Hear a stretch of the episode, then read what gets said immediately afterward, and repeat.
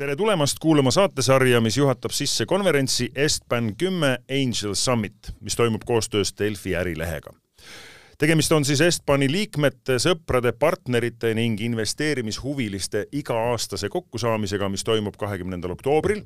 et sukelduda investeerimisstrateegiatesse, olla kursis kohalike idufirmade ökosüsteemidega ja vahetada ideid mõttekaaslastega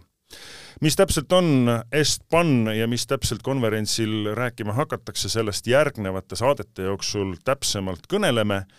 ja esimesse saatesse olen palunud selleks endale appi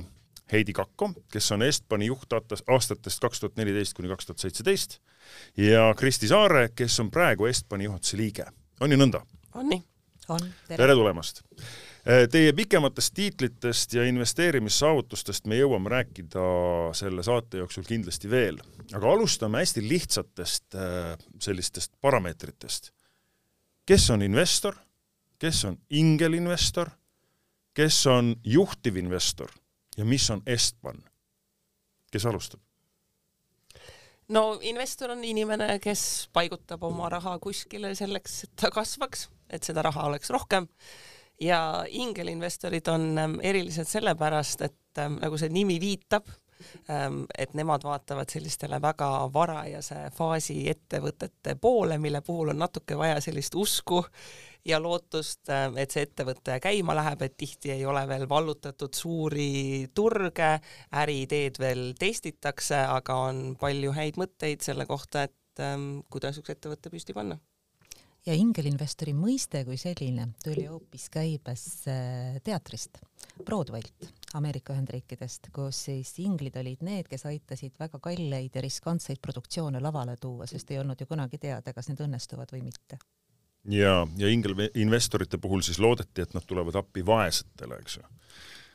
ei, sellepärast et reeglina need, kes neid produktsioone lavale panid, need olid tegelikult keskmisest rikkamad, aga nad võtsid ka keskmisest rohkem riske mm. -hmm. ja selleks, et üldse üks etendus lavale jõuaks seal Broadway'l, selleks oli vaja selliseid äh, rikkaid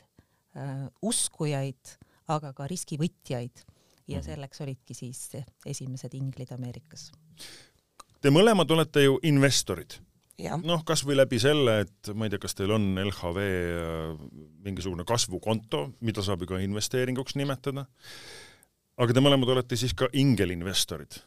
mis see vahe nüüd siis on, saate te oma portfellide vahest rääkida konkreetsete näidete varal? Tegelikult on kõik üks portfell, küsimus on lihtsalt, et kuhu sa selle portfelli jaotad, eks. et, et Kristi saab sellest kindlasti hästi palju rääkida, sellepärast et ta õpetab seda järjepidevalt, et kuidas üles ehitada portfelli strateegiat ja, ja kui palju üldse raha võiks panna sellistesse riskantsetesse ettevõtmistesse nagu idufirmad on ja, ja mis peaks olema siis see portfelli allokatsioon, et kui palju siis inglina võiks investeerida nii et, et ikka saame rääkida. mul küll LHV kasvukontot ei ole, aga, aga portfellid on ja seal on erinevad ettevõtted sees. no nii, Kristi mm. -hmm. ja et kui me räägime investeerides riskist, siis äh, mida riskantsem mõni investeering on, seda vähem üldiselt sinna osakaaluna raha pannakse ja ingelinvestoritel noh, tihti ongi suur osa portfellist on sellised tavalised investeeringud, ongi kinnisvara, börsivarad, eks ju, ma ei tea, võlakirjad, kõike muud ja siis mingi osa portfellist sõltuvalt siis riskisoovist kümme, kakskümmend, kolmkümmend protsenti ongi siis sellised ingelinvesteeringud, mis tähendab laias laastus seda, et need on ettevõtted, millesse sa panustad sellise pikaajalise horisondiga, sest et äh, ei ole niimoodi, et ma investeerin ettevõttesse ja ma kohe aasta pärast tean, et kas see on hea asi ja toimib, et ka meie Eesti ükssarvikud, nende edulood ongi üldiselt sellised kümme aastat ähm, üles ehitada ja ingelinvestoril peabki olema seda närvi ja kannatust sealt kõrvalt siis vaadata, et ähm, kas kümne aasta pärast see edulugu tuleb äh, või juhtumisi ei tule. aga äh, sinu enda lugu on ju tegelikult hea võib-olla meie tänastele saatekuulajatele selliseks nagu hüppelauaks, et mõelda edasi, et kas ma olen valmis või ei ole valmis. Sina oled ju kirjeldanud, et sa alustasid investeeringuga siis, kui sa oma esimese õpetaja palga kätte said, mis oli vist umbes kuussada nelikümmend eurot. Mm, -hmm. ja siis sa said aru, et äh, sellest kahjuks ei piisa, et äh, olla õnnelik ja, ja tegeleda oma huvide, hobidega ja kõigega, mida elus tahaks teha. Ja siis sa pingutasid ja tegid oma esimese kümne eurose investeeringu et noh, meil kuluks tõenäoliselt aega, et üles lugeda, kuhu sa tänaseks jõudnud oled, sa oled mentor, koolitaja, investor, ingelinvestor, Estbani juhatuse liige ja nii edasi. aga kui sa nüüd seda teekonda ikkagi nagu üritad äh, lahti mõtestada koos konkreetsete mingite verstapostidega, mhm. mis pidi juhtuma selleks, et sa leidsid, et mul on nüüd aeg küps, et olla ingelinvestor ehk et võtta suuremaid riske? no selleks, et ingelinvestor olla, ma arvan, et laias laastus seal on nagu kolm sellist tingimust, mis võib-olla peab olema täidetud. noh, esimene on see, et sul on piisav kogus teadmisi, noh, kui sa alles alustad investeerimist, siis noh, sul ei ole neid teadmisi, et üldse aru saada, mis asi singelinvestorus on, et mis asi, mis asi täpselt see risk on, mis, mis asi on see kordaja, mis asjad on erinevad kapitalikihid, mis on need erinevad äh, äh A-seeria, B-seeria raha kaasamised, eks ju, et seal on mingi hulk äh, teadmisi, mis sul on vaja kokku koguda siis teine tingimus kindlasti on see, et sul on vaja raha. noh, kui me räägime sellest, et Balti börsil, noh, ma ei tea, mine ühe euro eest ostame esimene aktsia ära, ingelinvesteeringute puhul me räägime siiski suurematest summadest, et noh, ehm, ingelinvestori puhul üks asi on see, et sul on mingi raha ja teine asi on see, et mingid teadmised, kompetents, mis sa tood kaasa ja noh, kui me räägime sellistest tavalistest investeeringusummadest, siis noh, me üldiselt alustame kuskilt kümne tuhandest sellisest, noh, selline üks väike nagu investeerimispilet ja kolmas asi, mis sul peab olema, kui ingelinvestorluse huvi on, on tegelikult see network, noh, need inimesed sinu ümber. et kui sa oled ise alustanud ja mõelnud, et ma tahan investeerima hakata ja siis mõtled, et noh, ma tahaks järgmisesse Bolti investeerida, no siis alguses sa ei tea neid inimesi, kes seda järgmist Bolti hakkaksid tegema ja nemad tõenäoliselt ei tea ka sind et tulla küsima, et kuule, kas sa tahaksid meie järgmisesse Bolti investeerima ja see on üks nendest kohtadest, millega just Estban organisatsioonina ka tegeleb, et kui ähm, ingelinvestorite puhul ähm, on tihti väga oluline need inimesed, kellega koos sa investeerid. kui börsil see on täiesti anonüümne, igaüks ostab oma mis iganes kaubamaja aktsiat, noh, vahet pole ähm,, siis ingelinvesteeringute puhul, kui sa tahad, et ettevõttel läheb hästi, siis sa tahad, et need teised investorid, kes seal seal sees on, on huvitatud, teevad koostööd, kõike muud. Ähm, ja Espan pakubki võimaluse selliste inimestega kohtu saa-, kokku saada. nii et äh, mina alguses alustasingi nii, et kogusin päris palju teadmisi. Siis tuli portfelli kasvatada, et oleks äh, nii palju raha, et sa saaksid vastutustundlikult selliseid riskantseid investeeringuid teha. Ja sealt edasi siis äh, network inimesi on osaliselt tulnud ka Espani kaudu okei okay,, sa oled öelnud, et kahe tuhande üheksateistkümnendaks aastaks sa jõudsid, kui see nüüd ma õigesti mäletan, kaheksa aastat oli see aeg, sellest su esimesest kuuesaja neljakümne eurosest palgatšekist kahe tuhande üheksateistkümnendaks aastaks sa jõudsid hetke, kus sa ütlesid, et nüüd ma olen piisavalt äh, investeeringuga teeninud, ma võin töölt ära tulla uh. Mhm. -huh. millisel hetkel sa nüüd ütlesid, et mul on nüüd seda raha piisavalt, et ma võin riskida? Äh, no ma alustasin natukene seda riskimisega, sellepärast et äh, Eesti on päris huvitav riik, et ingeliinvesteeringud ja üldse startup'i investeeringud on siin väga-väga populaarsed äh, ja ma arvan, et nagu väga paljud väikeinvestorid praegu ka oma sellist ingeliinvestori teekonda alustavad üldse näiteks nendest ühisrahastusportaalidest, Funderbeamid ja sellised sarnased, mis lubavad selliste väikeste piletitena investeerida alustavatesse ettevõtetesse, et need ei ole päris nagu sellised klassikalised startup'id, aga noh, nad ei ole ka nagu sellised klassikalised börsiettevõtted,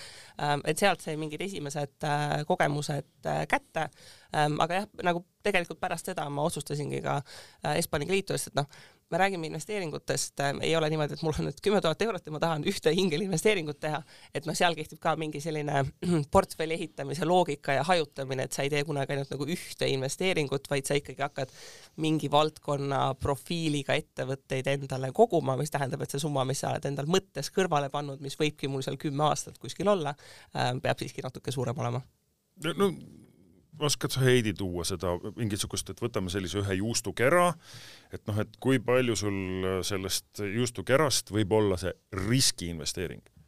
no nagu Kristi ütles, et see võib olla sõltuvalt riskitaluvusest kümme protsenti, kakskümmend protsenti, kolmkümmend protsenti mina ei ole selles suhtes väga tüüpiline näide, et minu riskitaluvus on tõenäoliselt veidikene kõrgem, eks ju. mina kinnisvara nii väga ei armasta, et mul ei ole vaja, et ma saaksin nagu füüsiliselt käega katsuda seda investeeringut, mis mul olemas on.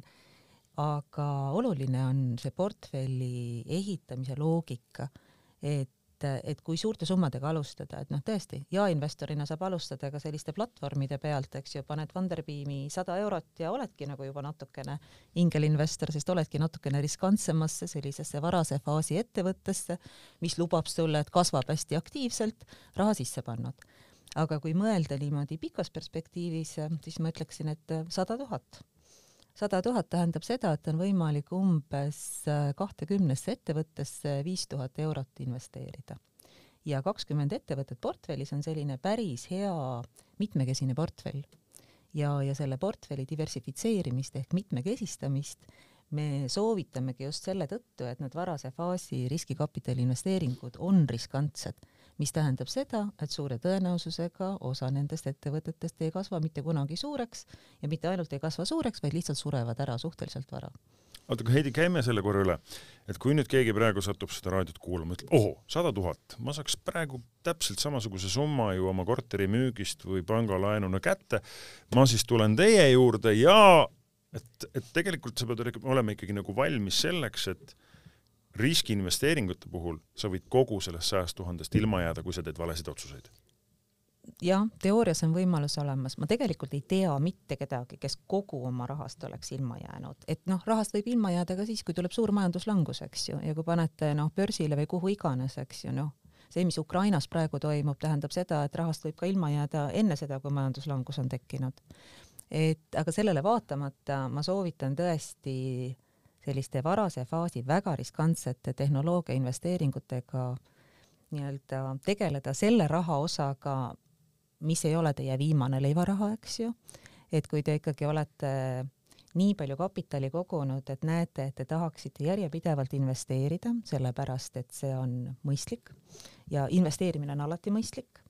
ja selle asemel, et lihtsalt sukasaarte kulu koguda või ära kulutada,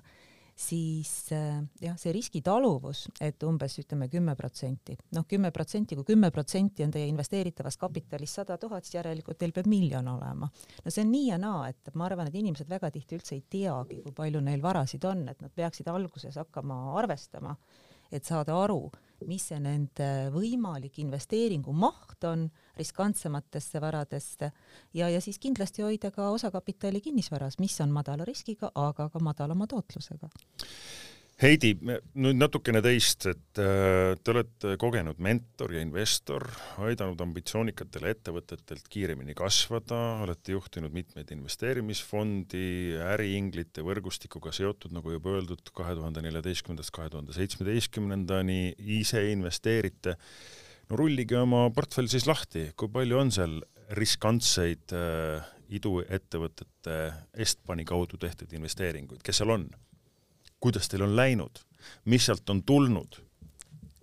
pean tunnistama, et ma olen väga halb näide selles suhtes, et tegelikult ma olen Estbaniga seotud alates Estbani asutamisest, et äh, enne seda, kui Estbani veel ei olnud, siis ma juhtisin äh, ühte investeerimisfondi, kus oli äh, erainvestorite kaasamise nõue ja, ja Estban tekkiski nende erainvestorite pealt ja see minu nii-öelda kaasinvestoritest kaksteist olid siis sellised, kes moodustasid siis poole Estbani asutajaliikmetest ehk kahekümne viiest esimesest äriinglist, siis kaheteistkümnega ma olin juba koos investeerinud. ja, ja siis tõesti ma juhtisin Estbani kaks tuhat neliteist kuni kaks tuhat seitseteist, aga ma tegin juba neid varase faasi riskantseid tehnoloogia investeeringuid enne seda, kui Estban tekkis, eks ju ja, ja siis Estbani inglitega koos ma olen teinud äh, praegu umbes viis investeeringut,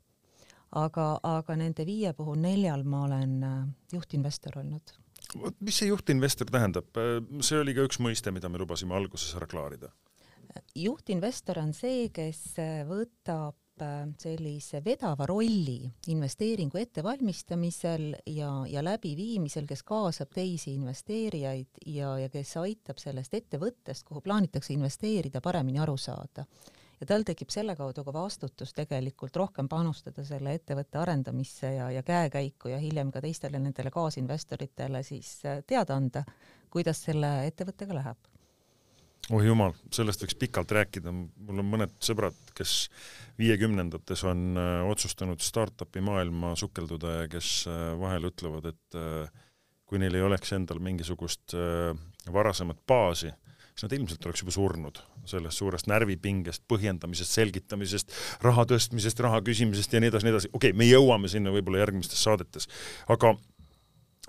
kui viis aastat oli Estban toimetanud ja tehti väike kokkuvõte, siis siis esimene ülevaade oli see, et äh, päris kenad tehnoloogiaettevõtted olid Estbanis saanud oma rahasüsti ja sealt ka saanud juba kasu. siin on ära öeldud GrabCAD, kelle edulugu me teame, FitsMe, Zero Turnaround ja nii edasi. kõik need on ka siis olnud sinu portfellis? Mm, paljud nendest, jah. väga äge, väga äge. Kristi, tahad sa meile paljastada, miks ma seda küsin, on see, et ausalt öeldes äh, rahast rääkimine ei ole kunagi olnud nagu minu tugevam külg ja mulle tundub, et Eesti inimesed üldse rahast tegelikult nagu väga palju rääkida ei taha. aga Kristi, sina oled üks inimene, kes on kuidagi selle rahast rääkimise muutnud suhteliselt kuidagi selliseks lihtsaks et, äh, et ei tasu häbeneda, nii nagu sina ei ole häbenenud sotsiaalmeedias teatada, me ostsime täna oma kuuenda korteri, äh, mille me üürime välja siis ja seal ja nüüd me oleme täitsa vabad, et elada mõnusat elu ja, ja see kuidagi on olnud selline hästi loomulik ja seetõttu ma sind kiidan, me oleme sinust rääkinud väga mitmetes erinevates seltskondades kui eeskujust. no räägi siis, äh, milline on sinu portfell, kui me räägime äh, riskiinvesteeringutest just nimelt Estbani kontekstis? Äh, ja no mina olen Estbanis olnud äh, lühemat aega ja mina olen Äh, lihtsalt äh, natukene vähem selles maailmas jõudnud ähm, tegutseda, et ähm, Espani kaudu investeeringud üldiselt toimivad kahte moodi, et Espani puhul on see, et kui on sellised suured startup üritused, näiteks äh, Startup Day ja Latitude, eks ju, ähm, siis seal üldiselt Espan organiseerib ühiseid sündikaate, kus need pitching competition'id, eks ju, et kus need ettevõtted raha küsivad väga stressirohkes olukorras, kuhu siis Espani inglid ühiselt panustavad. aga teine hulk investeeringuid on sellised, mida Espani äh, liikmed teevad lihtsalt iseseisvalt oma sõprusringkondades ühiselt, et see ei ole niimoodi, et sa tuled Espani liikmeks ja siis sulle tuleb lauane pakk, et noh, hakka nüüd nagu investeerima, vaid on ikkagi võrgustik, kus need asjad liiguvad. Äh, ehk siis ma olen mitmetes investeeringutes äh, teiste Espani liikmetega koos, aga see ei ole tingimata olnud niimoodi, et Espan annab lauale, et palun see nüüd investeeringu investeerite ähm,, vaid et lihtsalt inimesed, kellega sa Hispaanias suhtled, ütlevad sulle, et kuule, näed, et siin on mingi äge võimalus, arvan, et sa võiksid ka tulla siia panustada ähm,. ja siis tekibki nagu selline mõnes investeeringus oled äh, samade inimestega koos, teises investeeringus on mingi teine seltskond, eks ju, et ta nagu niimoodi ähm, ajas jookseb. ja minu portfellis selliseid väga ähm, startup'i investeeringuid on hetkel veel vähe, tõesti, et ma ehitan seda portfelli alles üles, eks ju, ma alustasin jaeinvestorina sealt Funderbeamist, et ma olen seal paari investeeringut äh, juhtinud. Ja praegu ma arvan, et minu viimane selline suur äh, startup'i investeering oli see, et Eestis on meil praeguseks päris mitu sellist startup'i fondi, ähm, et äh, kuna ma hindasin oma aja võimekust üksikuid projekte analüüsida, et sinna läheb päris palju aega, siis järgmise suurema pileti tegin ma läbi ühe fondi lihtsalt selleks, et keegi aitaks natukene neid äh, projekte läbi analüüsida. sa räägid piletist, kas see mm -hmm. siis tähendab seda, et kui ma nüüd otsustan, kuulates teid ära, et ma nüüd tahan ka, saan endale kaks soovitajat, äh, nagu ma olen kuulnud, et Estbani liik-, liikmeks saamise üks nõue see on, siis tegelikult ma justkui füüsiliselt ühtegi konkreetsesse ettevõttesse ei investeerigi, küll aga ostan mingi pileti ei ole päris nii? jaa, see pilet, vaat see on see sõnavara, mis nagu tuleb igas valdkonnas sisse, et kui meil tulevad Keskpani uued liikmed, siis kohe äh, nad äh, kohtume siin äh, nendega ja räägime nendega läbi, eks ju, et kuidas terminoloogia kõikide asjadega on, et seesama koht, mis ma alguses ütlesin, et ingeli investeerimine on teatud selline teadmiste kogus, mis sul on vaja koguda, et pilet on välja kujunenud sõnavara, et see üks investeering ühte ettevõttesse ettevõttesse, teda kutsutakse äh, piletiks. Ähm, ja see ongi see, et kui sa leiad mingi ettevõtte, mis sulle huvi pakub, uuridki läbi tingimused, et palju nad raha tahavad, miks nad raha tahavad, mis nende visioon on. Eesti on niivõrd väike, et siin on nagu tõeline nauding, et sul on võimalik kasutajatega kohtuda, kohvile minna, saad päriselt vaadata inimesele silma, et kas sa usud, et ta pingutab ja teeb kõik selleks, et see ettevõte oleks edukam ja siis see pilet äh, on ikkagi reaalne rahaline investeering, mis siis tihti läbi sellise juhtinvestori poolt kokku pandud ähm, sündikaadi siis, ähm, siis ettevõttesse liigub. Ega see pilet ongi sealt Broadway'lt ju pärit, eks ju, et see on nagu pilet mängu, et äh, tahad vaadata, kuidas asi edeneb, siis võta see risk, eks ju, osta see pilet ja, ja siis saad ka kaasa aidata, et, et see on selline interaktiivne etendus tegelikult, et see ei ole passiivne, et mida paremat tulemust tahad saada, seda rohkem pead ka ise panustama. Mm. -hmm ja täpselt, et noh, börsi puhul ostad oma aktsia ja siis lihtsalt istud kodus ja nii on äh,. iduinvesteeringu puhul panustad ettevõttesse ja siis ikkagi mõtled, et näed, et mul on seal kuskil mingi tuttav turundaja või kuskil on mingi kontakt või kuskil äkki mingi, neil oleks mingit välismaa kontakti vaja. et äh, seal ikkagi investorid on pigem aktiivselt seotud. okei okay,, no vot sellest räägimegi. võtan lahti äpi, vaatan nii Eesti Enefit Green, ahah, praegu on selline seis, aga, aga ma olen äh, kasumis. Nii Coop Pangaga on nii, seal sellega on nii, ahah, ja see on mu igapäevane võimalus jälgida, kuidas neil nagu läheb. Delfi ärileht kindlasti jagab mulle uudiseid, mis sunnib mind seda äppi avama ja vaatama, kas tõesti nüüd kukkus ja siis ühel hetkel võib-olla tulevad ka dividendid. Vaatan seda Alar Tuule maali seal seina peal ja, ja vaatan, et äh, mu hea sõber Reigo Kõivigi korraldab jälle kunstioksjoni, kus sellesama Alar Tuule maali alghind on nüüd juba oluliselt kangem ja ma näen reaalselt, kuidas see investeering kasvab, on see korteri hind, mis iganes. tegite investeeringu ühte ettevõttesse, kes ütles, et no vot, mul on äge idee mm. -hmm. kuidas see nüüd siis ühel hetkel teile sellise nagu unerahu tagab? et see päriselt, see äge, äge idee saab äh, reaalsuseks, sest nagu te olete ka erinevates intervjuudes öelnud, kui ma nüüd õigesti mäletan, kahekümnest väga ägedast ideest päriselt realiseerub ikkagi väga väike hulk. Mm. -hmm kuidas te nüüd ikkagi nagu jälgite seda? Või milline on teie õigus üldse minna selle ettevõtte juhi öelda, öelda, et kuule mees, sa praegu tegid mingi vale otsuse? see on hästi pikk teema, hea küsimus, et mina ütlen, et mina magan alati rahulikult, et ainukene aeg, kui ma rahulikult ei maga, on see, kui ma juhin äh, fondi ja, ja kui mul on teiste investorite raha, eks ju, mille eest ma vastutan. aga kui ma ingelinvestorina oma investeeringuid teen, siis ma magan alati rahulikult. ja, ja öeldakse tihti, et, et ega siis investorid ei ole investeerimise äris, et nad on investeeringutest väljumise äris. aga selleks, et investeeringus hästi väljuda, sa pead tegelikult äh, õige sisenemise tegema ja see õige sisenemine sõltub väga palju sellest ettevõtjast. ja, ja varase faasi ingelinvesteeringute eripära ongi see, et äh, sa lähed äh, investorina väga palju selle usuga ettevõtjasse, et kas see ettevõtja suudab läbi halli seinaga minna või leiab selle ukse sealt üles, et ei pea nagu läbi betooni peaga jooksma. ja kuidas seda väärtuse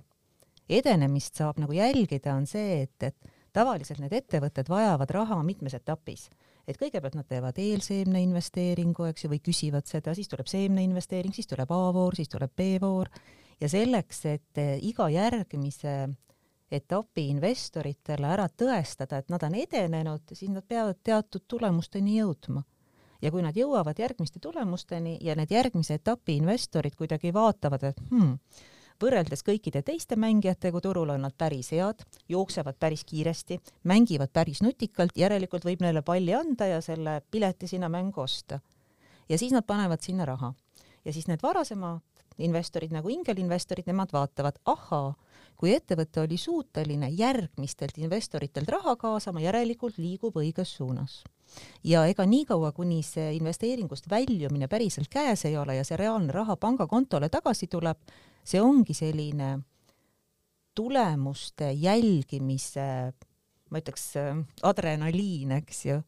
Aga seda, et nüüd investor läheb ja ütleb, nii-öelda ingelinvestor läheb ja ütleb ettevõtjale, et kuule, sa tegid siin täiesti vale otsuse, vot nii operatiivtasandil ikkagi väga tihti ei olda aga kas see õigus on üldse olemas, minna ja öelda? see õigus on teatud mõttes olemas, kõik need õigused pannas, pannakse lepingutesse kirja, et mis on investori õigused, aga mulle meeldiks, et see oleks teistpidi. et ettevõtja tuleb ja ütleb, kuule, investor, et sa oled oma raha ka siia minu ärisse pannud, et mõtleme koos või aita mul mõelda või mul on selline dilemma. Ja et see investor ei lähe mitte selle ettevõtja juurde siis, kui asjad juba hapud on, vaid niimoodi regulaarselt küsib, kuule, kuidas sul läheb, mul on selline mõte äkki see on sulle abiks, et see on selline dialoog, mitte mitte väga tihti nagu küpsemates ettevõtetes ongi nii, et et investorid kogunevad aktsionäridena kuskil siis aktsionäride üldkoosolekul ja siis võtavad ettevõtjal pea maha valede otsuste eest. Heidi, aga kui palju on teie elus olnud selliseid hetki, kus nüüd järjekordsel sellisel pitch'il või liftikõnel või sellel tulen, näitan oma tulemusi ette pärast juba, ma ei tea, kolmandat, neljandat, viiendat tõstmist, te ütlete, et jah, siin võib tõesti midagi olla, aga ma näen, et A, kas selle meeskonnaga need püstitatud eesmärgid ei täitu, B, äh, keskkond ei ole see, C, nende ambitsioonid on nigelad ja ma rohkem ei pane ja sellega tegelikult lasen oma investeeringu, mida ma seni olen teinud, lasen ka põhja. kogu aeg, et kui küsimus oli, et kui tihti, eks ju, siis tegelikult on no kogu aeg, et sa mõtled kogu aeg, et kas on nagu hea otsus praegu juurde investeerida sellesse ettevõttesse, kus sa oled juba nagu pileti ostnud, eks, või siis sa paned selle sama raha mingisugusesse teise ärisse, teise tiimi ja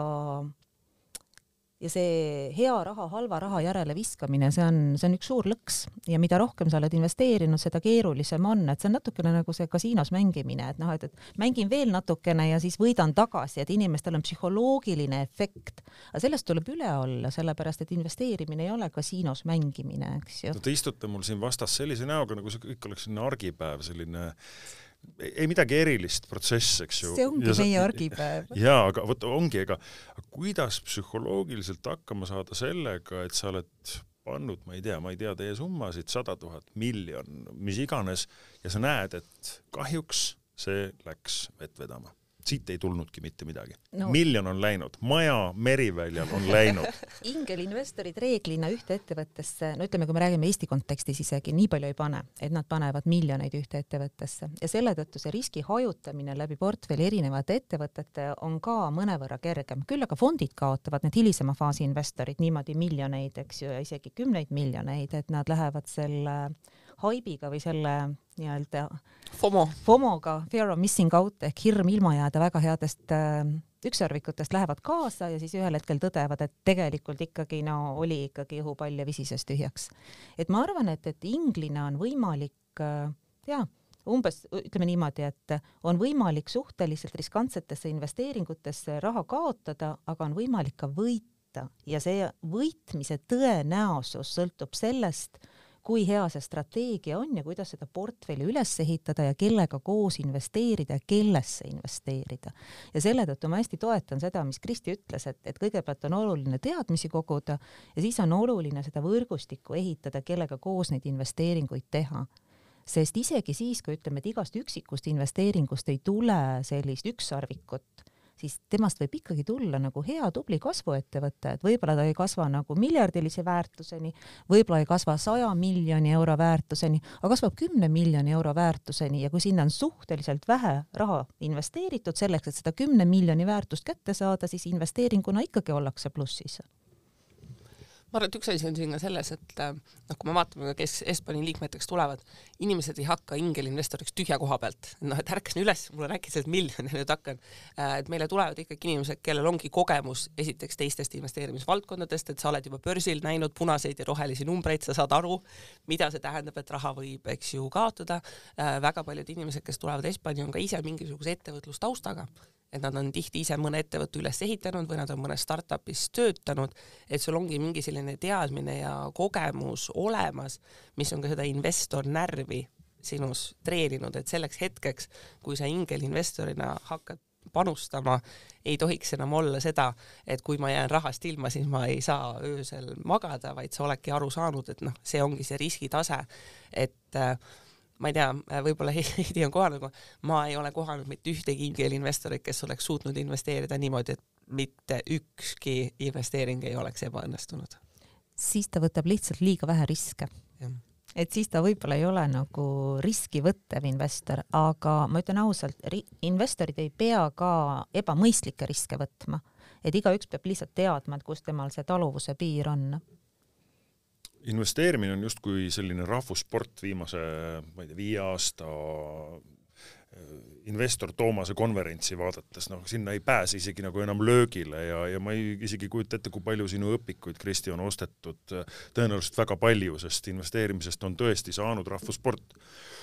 ka see Estban on siis teatud mõttes ka see võrgustik, kes nähes ära selle noore entusiasti, kes kuskilt korteriärist või kuskilt aktsiafondist on saanud sellise, juba sellise riskikapitali, on nagu tark mentor ja ütleb, oot stopp, rahu, ära nüüd nagu torma, teeme selle pooleks, pool pane sinna, poolega veel oota, sest me oleme kuulnud, et umbes kuu aja pärast tuleb vot need Eesti nutikate punt, kes teevad ühte päris asja, kus on päriselt huvitav võib-olla stabiilne konservatiivne kasvukõver no Espani puhul me näeme tegelikult seda, seda investeerimine on rahvussport, seda me näeme võib-olla veidi vähem. Espani poolt me näeme seda, et meil on siiski virn väga edu, edukaid Eesti ettevõtteid olnud, kust on mingil kujul tulnud exit, et noh, on mindud börsile, on midagi ära ostetud ja sealt sellised esimese, teise ringi töötajad on tulnud Espani liikmeks, et neil on see kogemus, neil on vabanenud mingisugune kapital. Espani poolt ka tegelikult äh, pidevalt koolitatakse investoreid, noh, just see, seesama koht, et kui inimene tuleb liikmeks, et äh, ta vestleb kellegagi ka selleks, et noh, et me saaks aru, et tema saab aru, et mis see riskitase on, mis on mingid teadmised, mida tal oleks äh, tegelikult vaja. Ähm, sellepärast, et keegi ei taha, et keegi läheks uljalt nagu riskiinvesteeringuid tegema ja siis pärast oleks pettunud, sest et ta ei saanud aru, eks ju, et, ähm, et mis ähm, tegelikult juhtus. aga jah, sellist asja, et investeeri sinna või investeeri sinna, eks ju, seda me ei ütle, aga me ütleme, et investeeri mõistlikult, eks ju, hajuta, analüüsi riske, arutle teiste investoritega neid projekte läbi, sest et investorina on paratamatus, et õppetunnid tulevad ajaga ja õppetunnid tulevad rahaga noh, seal ei ole midagi teha, kellestki ei saa paberil ähm, lihtsalt raamatuid lugedes hea investor, sa pead kogu selle emotsioonide karusselli üles-alla ise ära sõitma, et pärast seda, kui sa oled esimese ingelinvesteeringu teinud, mis täiesti pauguga lõhki läheb, siis sa oled pärast seda parem investor, sest et sa suudad juba järgmiseid projekte palju paremini analüüsida. milline motiveeriv sissejuhatus, väga hea. palju äh, teie konkreetses meilikastis täna on äh, selliseid äh, võimalusi, kus öeldakse, palun investeeri, siin on sinu võimalus, me hakkame tegema mingit uut äh, Bolti, uut Wise'i, uut äh, ma ei tea, mida iganes. ja te nüüd nagu nuputate, sest ma näen, et eelmise aasta Estbani numbrid räägivad meile kokku ligi kolmekümnest miljonist investeeringust, mida tegid Estbani investorid koos, seitsmesaja viiekümne kahte projekti, mida on pea poole võrra rohkem kui kahe tuhande kahekümnendal aastal ja võrdluseks äh, kakskümmend üheksa koma kaheksa miljonit aastas on äh, oluliselt rohkem, kui Estban tegi oma esimese viie aastaga. ehk et palju teil neid täna, neid seitsesada viiskümmend kaks projekti said eelmise aastal investeeringu, palju praegu füüsiliselt on teil neid, kus te mõtlete, kaalute, nuputate, kas läheks kaasa, ei läheks kaasa? Neid pakkumisi tuleb alati oluliselt rohkem, kui sa üldse jõuad süveneda või, või läbi töötadagi, sest et äh, ega ettevõtete ülesehitajaid on ju alati väga palju. Praegu on natukene siiski tunda, eks ju, et kui on selline börsilangus ja noh, sõjaolukord ja selline ebakindlus, et noh, ma ei tea, ma tunnetan, et minu postkastis natukene vähem on neid kirju tulnud, et me kaasame. Ähm,, et siin oli viimased kaks aastat oli siin tõesti ikka nagu pidu, et kohati tuli nagu iga nädal ja ei tulnud isegi mitte niimoodi, et noh, et kaaluge meisse investeerimist, vaid enam-vähem meil on siin nagu mingi noh, viimane koht enam-vähem, et nagu vaata, kas sa nagu mahud sisse, et noh, praeguseks on natukene nagu teistpidi nagu rahulikumaks see turg minu meelest pööranud see on suhteline, et äh, no neid tuleb kogu aeg, et ma, on aastaid, kui ma ütlen, et ma näen umbes aastas noh, nelisada, viissada projekti, eks ju, aga me nimetame neid ikkagi ettevõteteks, eks ju, et mitte projektideks. ja, ja näiteks kui ma nüüd äh, just äh, praegu teen kahe ettevõtte osas due diligence'i, mis on selline äritegevuse analüüs enne investeeringu tegemist siis reaalselt, siis need on mõlemad Estbani sündikaadi investeeringud ja, ja nad on mõlemad Startup Day'ga seotud sündikaadid ja ka seal Startup Day selle invest-, sündikaadi investeeringu saamiseks oli umbes nelisada ettevõtet ja siis me valisime sealt kaks välja ja kui mõelda, et noh, et, et neljasajast kaks valitakse välja, et siis kõik järelikult teised jäid justkui ilma. aga õnneks ei ole Estbani sündikaat ka ainus investor, et, et seal äh, tuli ka äh, tänu sellele, et nad kandideerisid selles protsessis ja neid vaadati ja nad olid väga head ettevõtjad, väga paljud nendest, siis nad pälvisid ka teiste investorite huvi. nii et mina soovitaks ettevõtjatele selles suhtes, et, et kindlasti, kui te usute seda, mida te teete ja teil on tulemusi ette näidata, siis ka sellest, et noh, et, et et inglid ütlevad, et me tegelikult investeerime umbes ühte protsenti või viite protsenti nendest ettevõtetest, keda me üldse näeme, siis äh, ma ütleks, et äh, tõenäosus selle viie hulka, viie protsendi hulka sattuda on väga hea, kui nad omalt poolt pingutavad. ja investori vaates see, et tal on nagu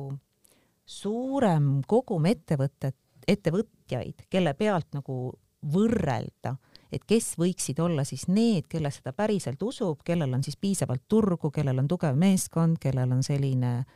ärimudeli nagu potentsiaal olemas, et neisse võiks investeerida. no nad hakkavad ka seda turgu tajuma või tunnetama, et mis siis tegelikult toimub seal ja tihti on ka see, et eks investoritel on ka mingi oma valdkond, mida nad rohkem tunnevad, et kes tunneb rohkem roheinvesteeringuid, kes rohkem tehnoloogiat, kes rohkem mingit deep tech'i, kes kosmosetehnoloogiat. Äh, et seetõttu, et kui iga investor investeerib võib-olla ühte protsenti tema lauale jõudvatesse asjadesse, siis erinevate investorite puhul see üks protsent, mis tema jaoks äh, selle lati ületab, võib noh, täiesti erineva valdkonna ettevõtted olla ja Estbaniga on lihtsalt see hea asi, et, et see see tehinguvoog, eks ju, ehk need ettevõtted, kes tulevad ja tahavad investoriga kontakti saada, et see on kuidagi juhitud, et, et ta on pidev voog, et ta ei peagi tulema mulle personaalselt või Kristile personaalselt postkasti, aga ta tuleb sinna Estbani võrgustikku protsessi sisse ja tal on võimalik ennast esitleda ja tal on võimekus ka üles leida võib-olla just need ingelinvestorid, kes on selle õige profiiliga, kes saavad lisaks rahale neid ka sisuliselt aidata no juttu jätkuks kauemaks, mind see kõik juba inspireeris ja ilma naljata kahekümnendaks oktoobriks äh, Estban kümme konverentsile ma sooviks äh, kuulama pääseda. Loodan, et ka selle saate kuulajad. mis Estban siis täpselt on just nimelt oma ülesehituselt, mida peavad ettevõtted tegema selleks, et seda investeeringut saada, mis asi on must raamat ja nii edasi ja nii edasi, sellest me räägime juba järgnevates saadetes. Mait Sooaru tuleb meile Estbani juhatuse liikmena järgmises saates ja kindlasti jutt jätkub ka järgmistesse saadetesse. Heidi Kakko, Kristi Saare, suur tänu teile. Saadet juhtis Rasmus Kage